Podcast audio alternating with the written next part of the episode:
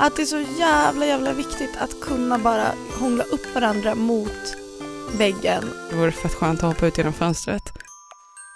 Hej och välkomna till Flora och Fridas podcast. Welcome, welcome. Vi kom precis in i byggnaden här och det första Anders Timell säger till oss, hej, vad säger han? Välkommen till jobbet, hipsters.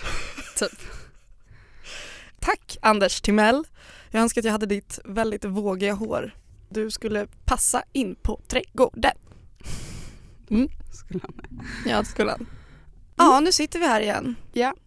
Häromdagen så var jag och ölade med ett grabbgäng och ofta när man ölar med grabbgäng så kommer samtalet automatiskt in på kukar. Mm. Vilket jag inte har något emot för att jag tycker att det är ganska underhållande så länge jag får lägga in mina tankar om fittor. Mm. Hur som haver, de började prata om fenomenet klockan 12. Har du hört om det? Enlighten me. Det här är tydligen en, verkligen en grej. Det här var främst en aktuell grej för dem på högstadiet. Och det är helt enkelt att man som kukbärare har lite problem med stånd som kommer och går lite oväntat. Och då var det så att man kunde sitta där i klassrummet och helt plötsligt få stånd. Mm. Och då la man upp kuken liksom så att ollonet pekar mot naveln. Och det kallas klockan 12 och det, det är så ståndet är som mest osynligt. Liksom. Tack. Tack, varsågod, nu vet du Tack för det. Och det här kunde alltså hända tre gånger per lektion. Alltså jag är helt fascinerad. Och det är inte så att de automatiskt blev kåta utan det är bara kroppen som bara hoho, här är jag! Superrimligt. Det är så här tonårsgrej. Alltså man blir lite hård fram och tillbaka. Morgonstånd. Ja, och det är lite som tydligen som en mat och sovklocka att morgonståndet kan också komma ungefär vid samma tid. Typ klockan nio så bara ja, nu är det stånd igen. Jag tycker det är jättefascinerande. Ja. Du bara nej, jag bara jo. Jag tycker att, jag bara, jag måste skriva ner det här. Hur full var du när du skrev ner den här anteckningen Flora och bedömde att den var worthy? Worthy the podcast. Jo, det var nog några öl in och en flaska kava in också. Vi var på en sunkbar och bara hade lite grejer att fira. Och bara, vi beställde en flaska kava och så kostade den typ 450 spänn på en Va? sunkbar. Men då hade vi liksom redan liksom byggt upp det här med att vi skulle köpa in en flaska kava så då kunde vi liksom inte. Men det finns en flaska kava som kostar 400 spänn. 450 på Soft kök och bar på Malmskillnadsgatan. Det är verkligen så här en sunkbar. Wow, vad obehagligt. Vad har du gjort i helgen? Jag har bara varit hemma typ. Känt mig ledsen. Okej, utveckla. Idag känns det visserligen ganska bra. Nu har det inte gått så många timmar, en vaken timme typ. Och i söndag sen kändes det också helt okej. Men så hela veckan innan det och liksom fredag och lördag så kände jag verkligen så okej men nu kanske jag det känns som att jag var på väg in i en depression och få ett depressionsskov liksom. Okej. Det är tråkigt för det var väldigt länge sedan det, det hände liksom. Är det något speciellt som triggat igång det? Jag vet inte. Alltså jag, dels har jag varit väldigt, väldigt stressad och känner att det är så många personer som vill ha saker av mig på ett sätt som man blir bara så himla trött på. Typ och hur så, då? ja, men så här jobbgrejer, det blir så ointressant. Och sen så, ja men så saker, alltså med personliga saker som har varit jobbigt liksom. Och under en längre tid och så har jag känt mig fett ful.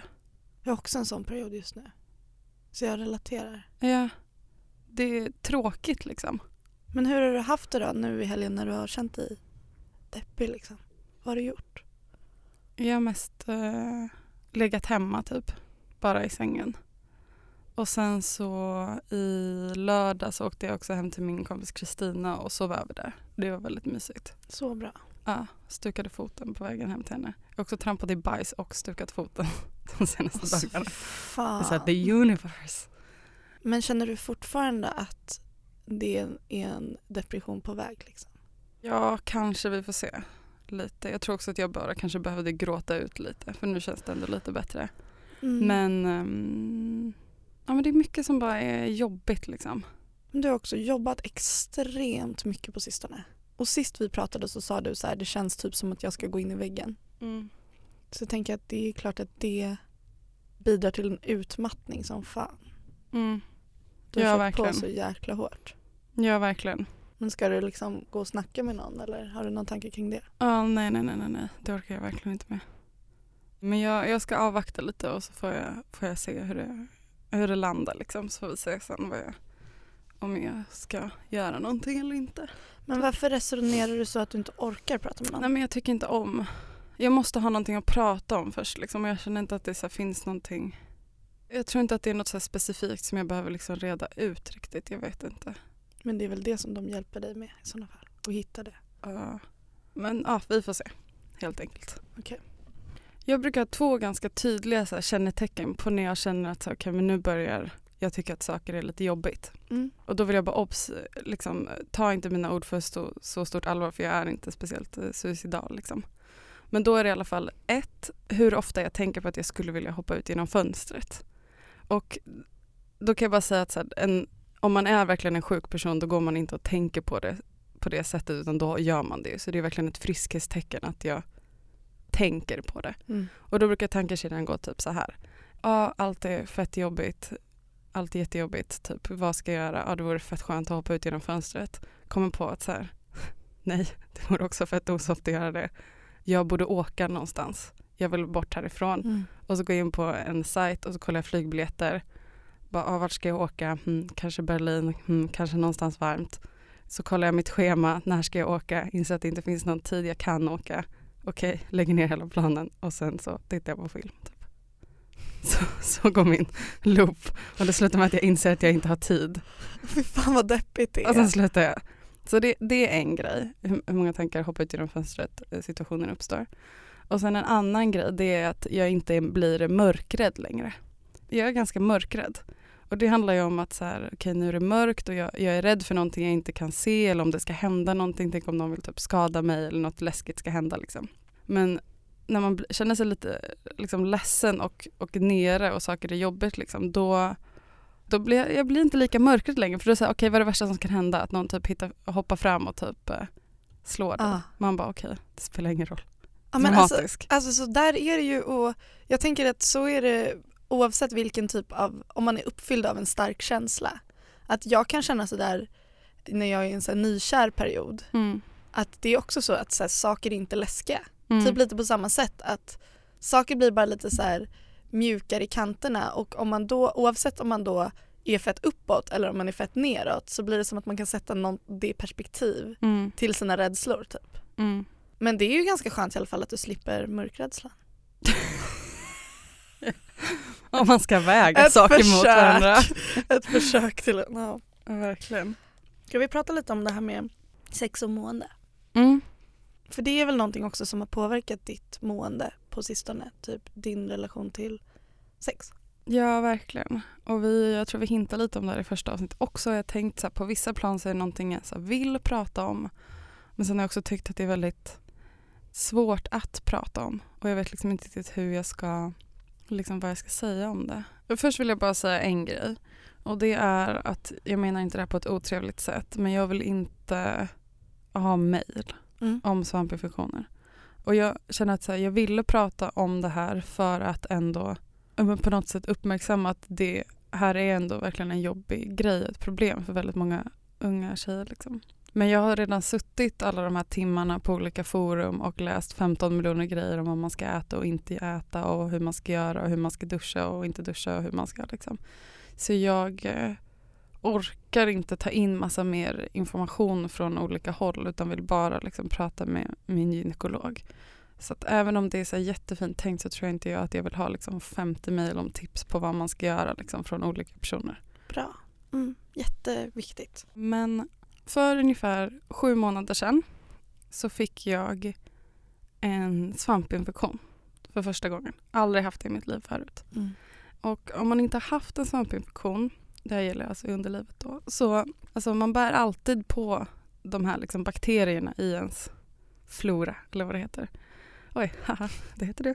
Mm. Det här är liksom bakterier man hela tiden bär på i kroppen men sen av olika anledningar så kan det vara så att de här bakterierna får fäste Mm. och det är då det blir liksom en svampinfektion. Och det kan vara liksom inuti slidan eller utanför. Eller både och. Och det som händer när man får svamp då det är att um, där nere så är det ju konstant, alltså det är liksom ett vått, härligt, nice eh, klimat. Mm. Liksom.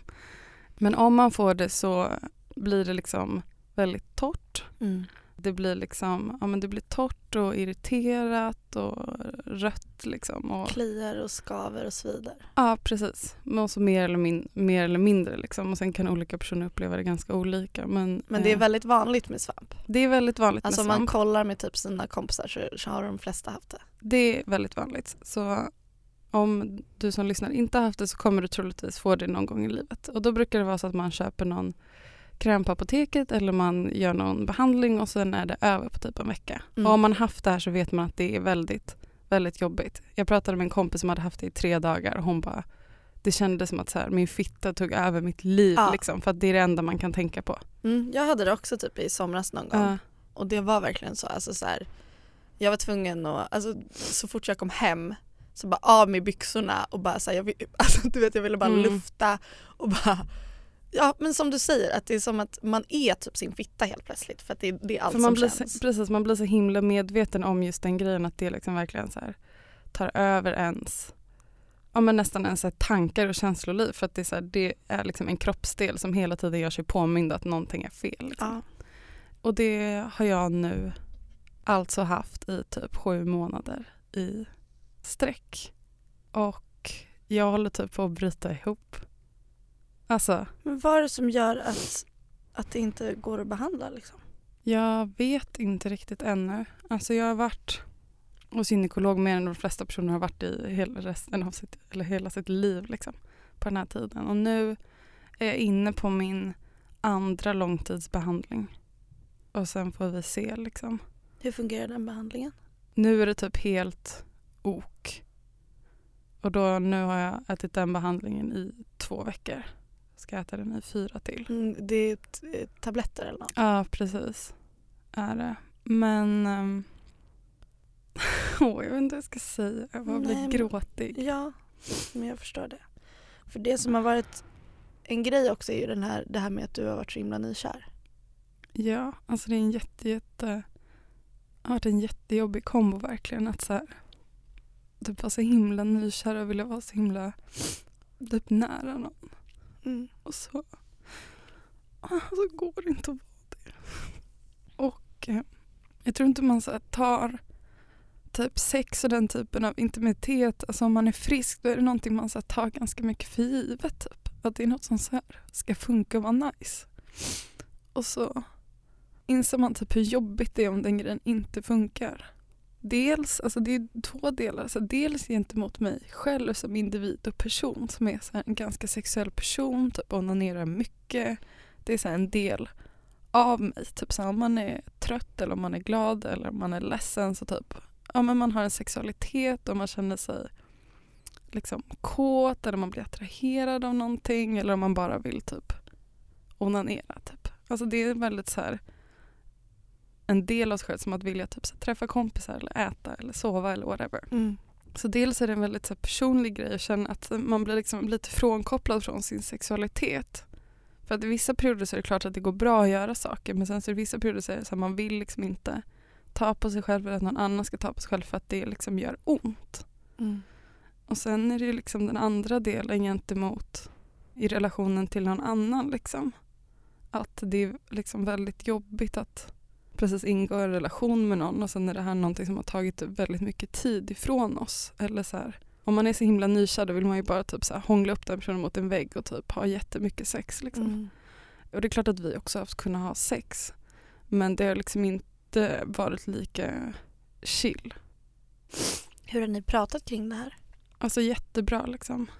Alltså han har varit jätte, jättefin och liksom stöttande hela tiden i allting och då för det är olika perioder hela tiden. Så det kanske är någon vecka då jag liksom då är det liksom irriterat och jag liksom inte kan någonting och sen kanske en period där det är liksom ganska bra. Mm. Men det är hela tiden pendlat fram och tillbaka.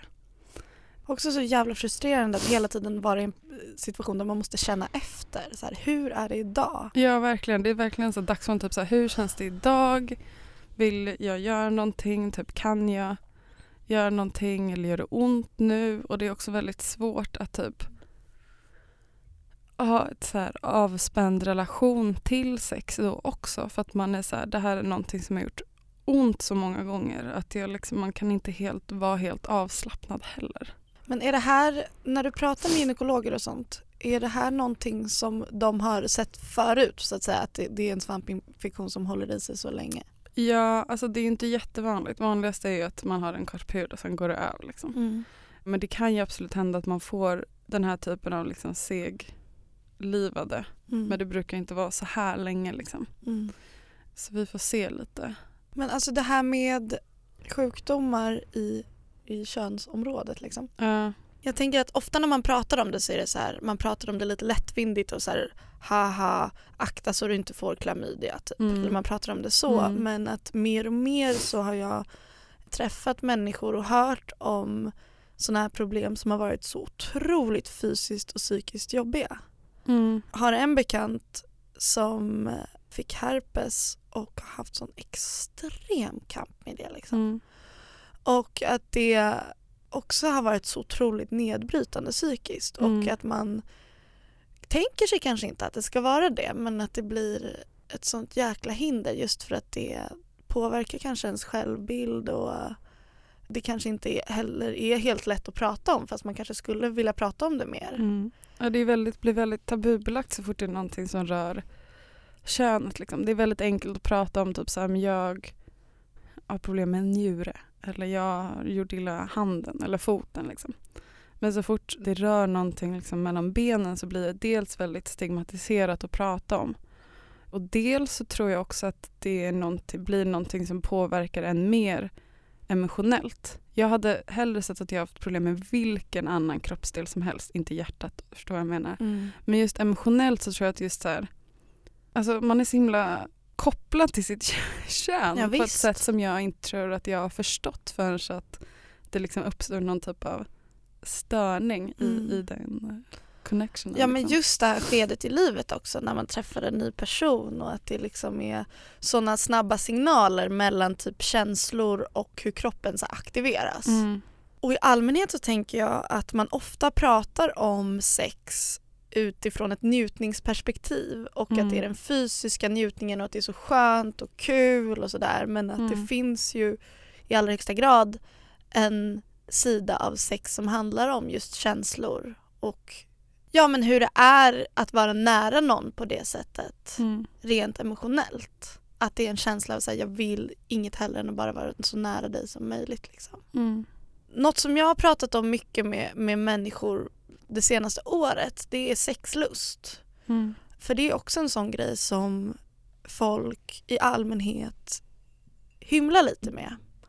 Som par så förväntas man ha sex kontinuerligt och om man inte har det så är det lite skämmigt. Mm. Men ofta om man har varit tillsammans med någon en längre tid så blir det kanske lite mer men lite, lite rutin, lite tråkigt eller kanske inte jättelustfyllt liksom. Man har inte riktigt samma så här, superstarka attraktion längre som att man inte här, kan hålla fingrarna i styr. Exakt. Utan man kanske fortfarande så här, tycker om den personen men det kanske inte är samma liksom, riktigt magnetiska attraktion som kanske precis när man träffades. Nu pratar jag alltså inte om min nuvarande relation men jag pratar om allmänt. Ja, liksom, i när man- allmänhet. Och jag har upplevt att så många, när jag har pratat om det här med vänner så är det så många som så stannar upp och bara gud vad skönt att vi pratar om det här. Mm. För att det är många som liksom vill, många par som vill utge sig för att ligga mycket. För att det, det känns lite jobbigt liksom. Det känns som att man har förlorat om man inte gör det typ. Men att så här, ju mer jag pratar med folk om det så kommer det ju fram att många typ inte ligger med varandra. Och i förlängningen så blir ju det, det blir ofta en makt, eh, en, liksom, en ojämlik maktsituation för att den ena kanske vill ligga mer än den andra. Så att den ena partnern är så här, men allt jag vill är att ligga men fan vad jag känner mig pushig som vill ligga. Och den andra Mm. är så här, "Ah, jag är fan inte så sugen på att ligga, gud vad jag känner mig som att jag ratar dig. Så den ena är den personen som ratar och den andra känner sig ratad. Och båda de situationerna är ju sjukt jobbiga. Man kan egentligen inte säga att den ena situationen är jobbigare än den andra. Kanske så här instinktivt att man bara, men det är jobbigare att vara ratad. Men det är också jobbigt att vara den som känner sig, känner sig liksom lite pushad att Mm. ligga. Jag tror sånt där går i perioder också. Det är väl så här, varje individ så har man ju perioder man kanske känner sig mer sexuell och liksom ja, dels att mer eller mindre attraherad av sin partner och del eller min- eller mindre liksom så personligt känna sig sexuell. Liksom. Och då när man är i en relation med någon så kanske det inte alltid synkar. Att båda är på sin peak och superkåta utan då kanske det blir liksom att någon är lite mindre och så är den andra lite mer. Liksom. Mm. Så kommer jag ihåg att det var, eller så här, verkligen kommer ihåg min, min förra relation som vi ändå liksom var ihop under flera år. Och då var det sen någon månad då han kanske inte var så himla pepp. Och så kanske jag var jättepepp. Och sen var det någon månad då liksom, ja, tvärtom och sånt. Mm. Och det är jättejobbigt att ta initiativ till att ligga och den man vill ligga med Mm. säger nej, jag är lite trött. Mm. Men det är också jobbigt att vara personen som känner att fan nej, inte en hand på min rumpa nu, jag orkar Mm. inte det liksom. Och det här är liksom mer emotionella grejer eller liksom kanske mer psykiskt styrda eller om man känner sig liksom sugen eller inte. Sen finns det ju så himla många parametrar som kanske mer fysiskt liksom hindrar. Då kan det antingen vara, jag som för mig just nu med liksom svampinfektionen och sen som du pratade en kompis till dig också som tyckte det var jättejobbigt med herpes och liksom med olika könssjukdomar och sånt. Eller om det är liksom andra grejer. Jag tänkte på um, ganska tidigt in liksom i när jag hade fått svampinfektionen och till en början så är det ju bara alla bara men ta någon salva, du köper lite kanesten på apoteket typ. Och det kan man säkert använda liksom i några dagar. Men den här typen av krämer är liksom alltså, skit att hålla på med. Och jag avråder alla att liksom På vilket sätt är det skit? För att det inte hjälper eller för att det är jobbigt? Alltså det, den här typen av liksom krämer mot svamp i underlivet kan man absolut ha liksom om man bara har det en kort period. Men man ska absolut, absolut, absolut inte långtidsbehandla med det. För att det är som att så här, nerverna blir helt fucked up. Mm. Liksom. Och eh, det är väldigt stor risk att man får vestibulit. Och jävlar. Vill du förklara vad vestibulit är för de som inte vet? Gud, jag vet faktiskt inte exakt hur jag ska klara vad det är men det som händer är väl liksom att det blir em, lite konstigt med liksom nerverna där nere. Mm. Och det är ganska mycket psykiskt. Och det som händer är liksom att allt blir liksom överkänsligt där nere. Så att om man tar på liksom klitoris så blir det nästan som att så här, man, alltså det gör ont. Det är som att någon gör dig illa för att det känns så mycket. Mm. Ja, den korta beskrivningen är väl att det gör ont när man har sex. Ja precis för att det är liksom allt där nere är så himla överkänsligt och det finns liksom hög risk att man får det här om man då för att jag vet att i början när inte jag riktigt visste vad jag skulle göra åt så var jag liksom också började använda någon sån här kräm som man, de hade sagt på ungdomsmottagningen. Men eftersom det inte gick över så bara fortsatte jag använda den för jag visste inte vad jag skulle göra. Mm. Tills jag kände att det verkligen kändes konstigt och jag vet att jag, eller, och jag var verkligen alltså nära på att liksom ut, börja utveckla vestibulit. För att då när man liksom testade sex efter det, alltså det kändes som, alltså det kändes som en kniv som liksom skar upp för att det så här, det gör så ont liksom. Shit. Och sen så lugnade det ner sig så det blev, var ingen fara liksom. Men jag verkligen tänker på alla de tjejer som verkligen får utvecklad vestibulit. Alltså det kan ta så lång tid att bli av med det liksom. Kan man bli av med det? Ja det kan man. Jag läste något, eller jag hörde på radio någonting om eh, botox. Att man kan använda botoxinjektioner för att på något vis. Ja säkert. Ja. Jag tror också att det handlar väldigt mycket psykiskt om att här, om det gör så ont då att testa ha sex och så försöker man ha det igen så liksom minnet av hur, hur ont det gjorde sist gör liksom att man alltså kroppen nästan skyddas ifrån det och man liksom Ja. Ja. kramar åt där nere liksom, Ja. för att någonting inte ska ta sig in och göra det här igen. Ja men det finns så himla många sådana grejer liksom. Och som man inte hör om heller. Nej för det är inte så jävla skönt att sitta vid så här fikabordet. Då vill man ju sitta och bara, "Ah, alltså jag och min kille knullade igår, det var så jävla nice, jag är Ja. så himla härlig och frigjord. Man sitter inte där och bara, ah shit alltså jag har fått könsherpes. Eller ah shit alltså det är så jävla jobbigt med min svampinfektion nu. Eller typ så här, min vestibulit gör att jag och min kille inte har legat på ett halvår. Alltså det är inget så Nej. skönt snack. Nej. Ingen vill göra det liksom. Och det är det som, jag har en bekant som så här, under jättelång tid bara pratade om hur hon och sin kille hade så nice sex. Och sen så gjorde de slut och då sa hon det, hon bara nej men alltså vi låg inte mycket alls. Mm. Och att det var någonting som man så vill, ja, man, vill, man vill upprätthålla den bilden av att så här, vara en sexuell människa Mm. där allting alltid funkar och där allting alltid är så skönt och man är Mm. ja, men så här härligt och frisläppt och lösgjord typ. Ja för nu, nu ändå så, även om jag fortfarande tycker att det är jobbigt och obviously börjar gråta ibland om jag tänker på det eller pratar om det. Så är det ändå, nu har det ändå gått så lång tid att jag lite mer typ så här, ja nu så här är det liksom. Men det var så himla himla jobbigt eh, hela sommaren. För det var som att man så här, blev så himla kåt, ville vara med varandra och sen så fort man försökte ha det så bara gjorde det så jävla ont att man bara så här, blev påminn om att så här, det inte går och bara bryta ihop och börja gråta liksom. Mm. Det är inte så här den romantiska fina stunden man vill ha med någon, att konstant ligga och, och gråta i sängen liksom. Nej. Det är fan det värsta straffet.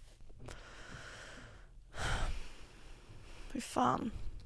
Vill vi säga någonting som är typ så här vad man kan göra om ens partner och en själv har Mm. olika typ så alltså det här med typ om den ena vill ligga och den andra inte vill det eller typ Mm. ska vi komma med någon sån grej? Vad man ska göra, alltså jag tror inte att man kan man kan nog inte göra så himla mycket om det är lite ojämnt i, i relationen över en tid med någon som är mer liksom sugen än den andra. Men jag tror att det är jätteviktigt att så här, ha en så himla fin dialog om det. Eller vara så här uppriktig och ärlig och bara, men jag, jag är inte så himla sugen just nu. Jag vet inte vad det är. Det är kanske att jag är stressad i plugget eller att min ja, balans i kroppen liksom inte... Jag tänker spontant att det som ofta kan bli ett problem är att man tänker sig att varje gång man hånglar att det ska leda till sex. Ja. Jag tror att det är skitviktigt att etablera med sin partner eller den man ligger med att man också måste kunna hångla och gosa och sånt utan att det nödvändigtvis ska leda till att man ligger där nakna. Exakt, för annars, annars är det också svårt att komma till det så naturligt. För jag vet att det för mig verkligen i början när inte jag visste hur jag skulle hantera det här blev det alltid en stress. Mm. För jag visste så okej om jag kysser honom nu och vi börjar hångla då blir det som en ingång eller leder vidare till Mm. att vi sen ska ha sex. Och jag vet inte om jag kan ha sex nu och så blir det som en eh, stress. Eller att man väljer att man inte vill hångla för att man Mm. eh, liksom är rädd. Oj, inte rädd men för att Nej, man men inte vill gå precis. vidare med vart det kan leda. Att det är så jävla jävla viktigt att kunna bara hångla upp varandra mot väggen och sen är det inget mer med det utan det, Mm. man kanske blir lite tänd och man blir glad men man måste inte sen knulla liksom. Nej, och det där hånglet blir heller inte ett dåligt hångel bara för att det inte leder till en passionerad natt. Nej, verkligen. Så det, det jag håller med, det är verkligen en jättefin grej. Då kan man prata med, med sin partner om det. Mm. Att ett hångel kan få vara ett jävligt nice hångel. Liksom.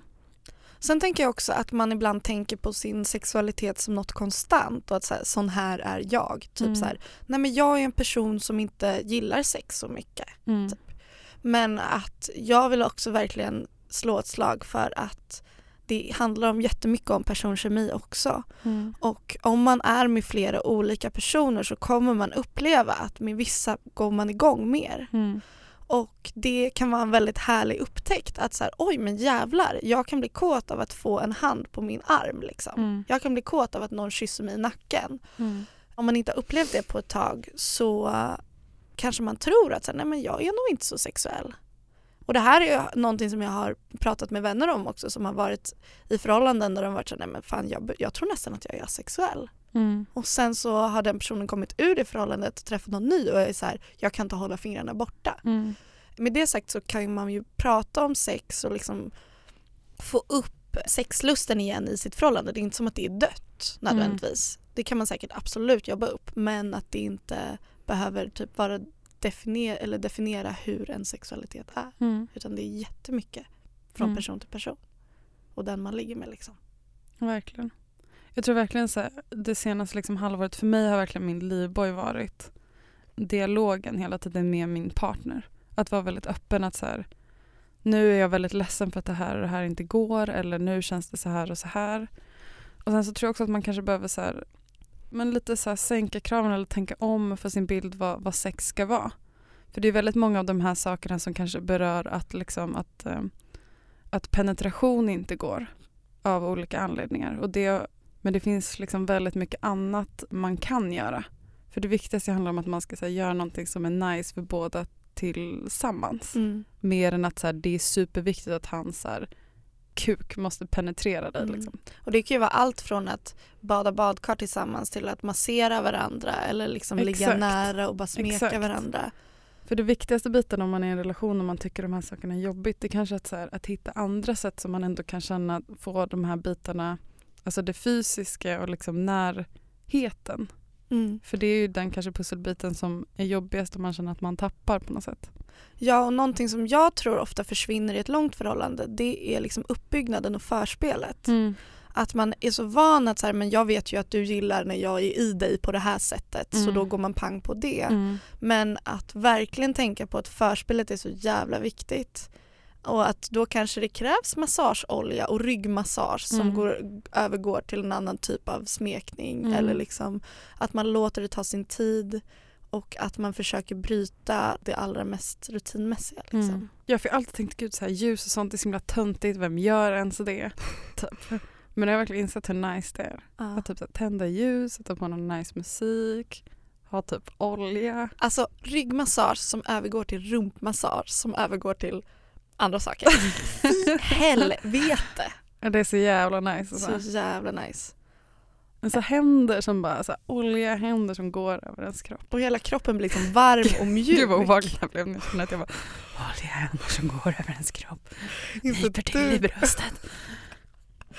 inte ett dugg obehagligt. Med Bara- rösten, jo kanske. Kanske lite. En annan sak som jag tror också kan öka typ sexlusten det är om man känner, alltså för jag tror att ofta kan det vara att man inte är imponerad av sin partner. Att man kanske känner lite så här. Det kan vara att det, ens partner inte kommer sig för att göra saker eller inte har ett driv men alltså rent personligt så Mm. märker jag att jag blir fett tänd på när min sexpartner är typ så här du, ska vi hitta på det här? Mm. Eller ska vi, alltså som tar initiativ, allt ifrån typ vad man ska gå ut och käka till vad man ska göra i sängen. Alltså att det finns en, ett driv och ja men inte det här veliga, nej men det, du får bestämma. Så man ska säga till sin partner, jag vill att du ska vara lite mer driven. Mm, jag vill att du ska ta lite mer Och så köper man någon initiativ. Blondinbella-bok till den personen. Ego boost. Köp den.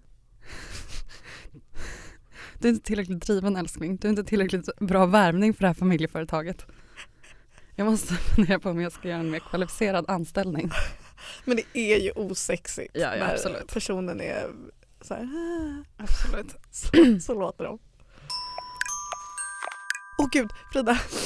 Du vet att David Batra spelar in podd i den här studion. Mm. Han har också en podd på Radio Play. Jag hade en sexdröm om honom här natten. Den var jätteotäck. Nej men så här, jag drömde att, vi, alltså att han var otrogen med mig och att vi var så här jätterädda att Anna Kinberg Batra skulle komma in. Och sen var han liksom helt jättekonstig och så här satte sig och kissade i badkaret. Det var bara jätteobehagligt. Var det Så- sexuell stämning över det här urinet? Nej det var inte det, det var bara så här, det bara splattade överallt, det var bara jätteotäckt. Och så vaknade jag upp bredvid min nuvarande mm, person och ehm, Det låter som du är en hund. Du och din person.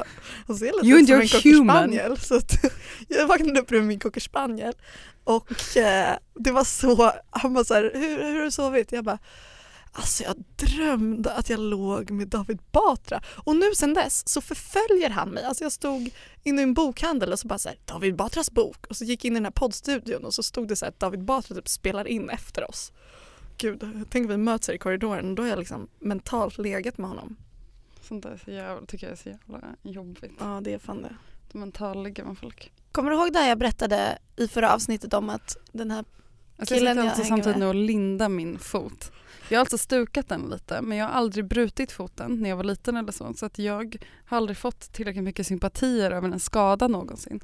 Så det känns som att jag alltid så här. Synd att det här är en podd så att inte folk ser hur, hur noga du lindar din fot. Mm. Du kanske vill att jag ska vara lite mer Jag vill kanske att du ska titta nu på foten och säga oj gör det ont? Oj, gör det ont? Men du måste förstå att jag dejtar en gip- gipsad person. Mitt liv kretsar kring skadade fötter just nu. Så Jag får att, mer eh, och mer ledtrådar hela tiden. Vem är den här personen? Jag fick en kommentar på Instagram, eller på bloggen som är så här, Har den här personen varit med på bloggen nyligen? Ja sånt har jag fått och sen också så här, är man bra på att staka så vet man vem det är. Ja, go for it. Det är inte så jävla svårt att hitta vem det är jag dejtar.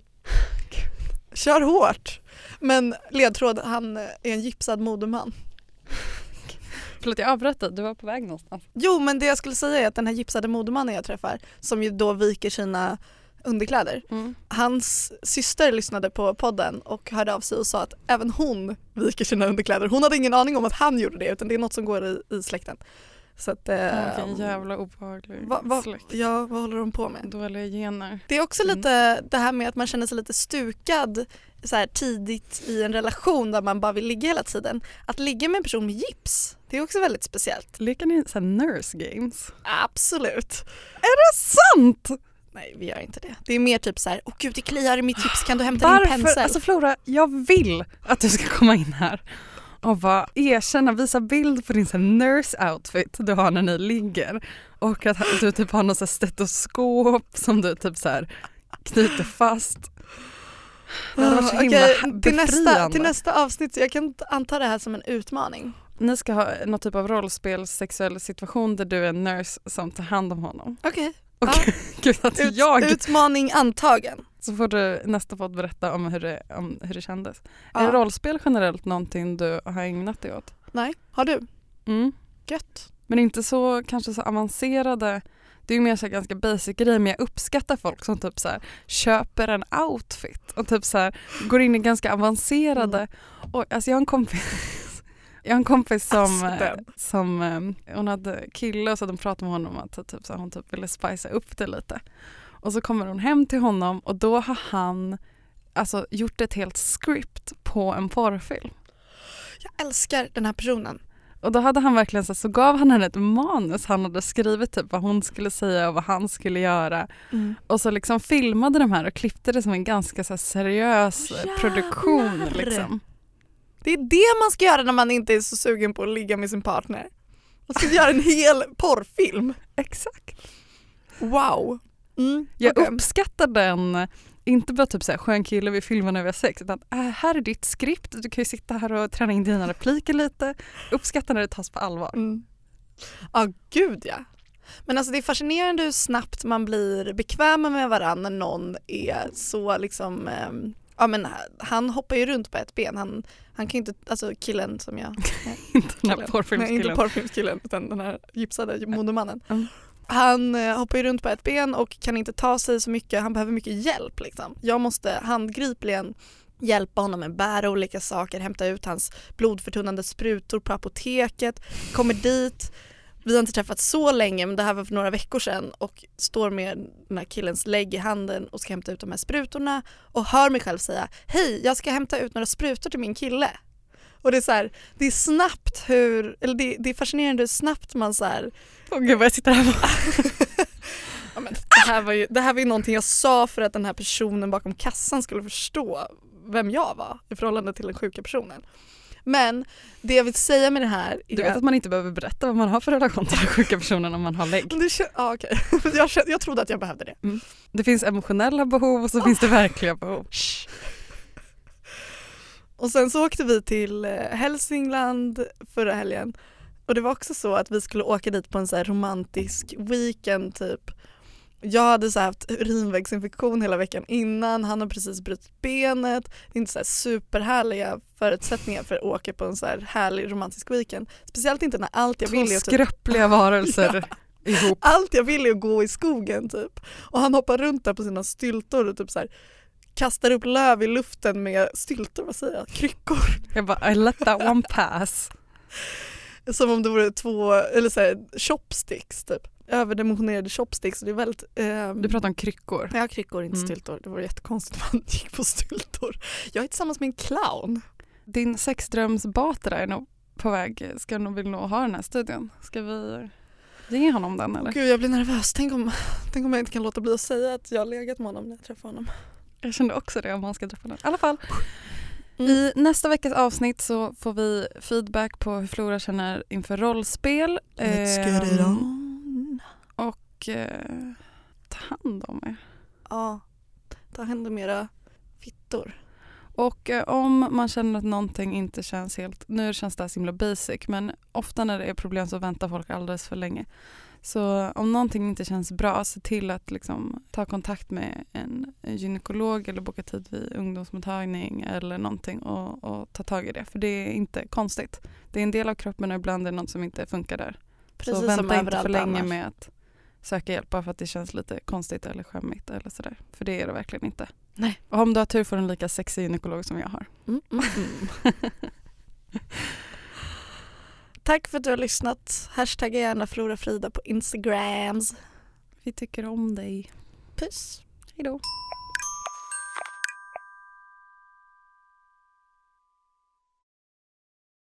Ny säsong av Robinson på TV4 Play. Hetta, storm, hunger. Det har hela tiden varit en kamp. Nu är det blod och tårar. Fan händer just nu. Det. är Detta är inte okej. Robinson 2024, nu fucking kör vi! Streama på TV4 Play.